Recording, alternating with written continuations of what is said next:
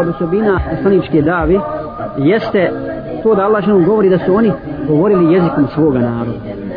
Ovdje treba posebno se zadržimo također. Kaže Allah je vama arsalna min rasuli illa bilisani qawmi ili ubajina lahum fa yudillu Allahu man yasha wa yahdi man yasha. Nismo poslani jednog poslanika osim na jeziku njegovog naroda. Da im objasni istinu i onda da Allah Žešanu ostaje u zabudi koga on hoće, a da uputi koga on hoće. Zašto?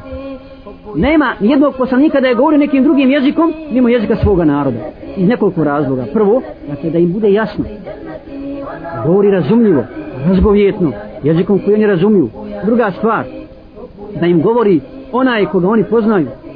Onaj koga oni poznaju dakle čovjeka kad znamo tog insana kad znamo ga kakav je bio prije objave nema niko da će kazat e ovaj poslanik je bio takav i takav prije toga. Kao što može danas za nas neko reći. A za poslanike ne može i da on njih poznaje. I da on poznaje njihov hal i njihovo stanje da razumije stvarnost oko sebe kako bi mogao zauzeti pravilan stav. I ispravno se postaviti prema njima. Dakle potpuna jasnoća u govoru bez filozofiranja bez e, nekakvog kitnjastog govora koje ljudi ne razumiju da bi se ti istakao kao govornik. Zatim poznavanje stvarnosti oko sebe jer svaki poslanik je živio tu stvarnost sa svojim narodom. Živio je tu stvarnost sa svojim narodom. Kako?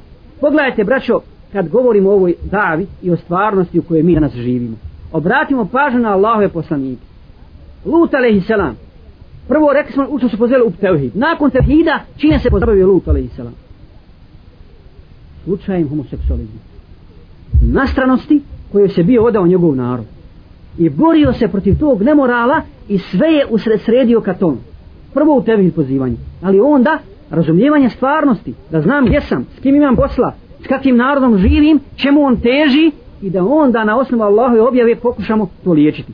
Zatim Šuajb a.s. selam spominje tamo šta? Svom narodu kaže nemojte krivo na litri na kantaru mjeriti. Dakle, korupcija, laž, mito, podvale u trgovini. To je glavno obilježje Šuajbovog naroda. U tome su bili prevršili svaku mjeru. I Šuajb a.s. selam poslije pozvao u tevhid, pozabavio se time pozabavio se time i pokušava narod odvratiti od toga, od tog poroka, da ga ne bi čekala, da ga ne bi svaša kazna na Allaha na dunjaluku i na ahiretu. Musa alaih selam također i svaki drugi poslanik Allahu, dakle usredsredio se na tu stvarnost u kojoj je živio i pokušao je liječiti određene bolesti duhovne, društvene i tako dalje.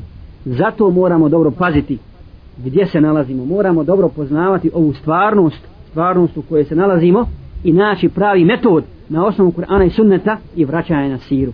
Kad god posustanemo, kad nam god nestane ideje, kad god zapadnemo u čorsokat, vratimo se siri Allahu poslaniku sallallahu. Nema situacije u kojoj mi zapadnemo, a da nećemo naći odgovor u njegovoj siri, odnosno u sirama Allahu i poslanika. Kako su i kada postupali i koje su metode koristili u dagu.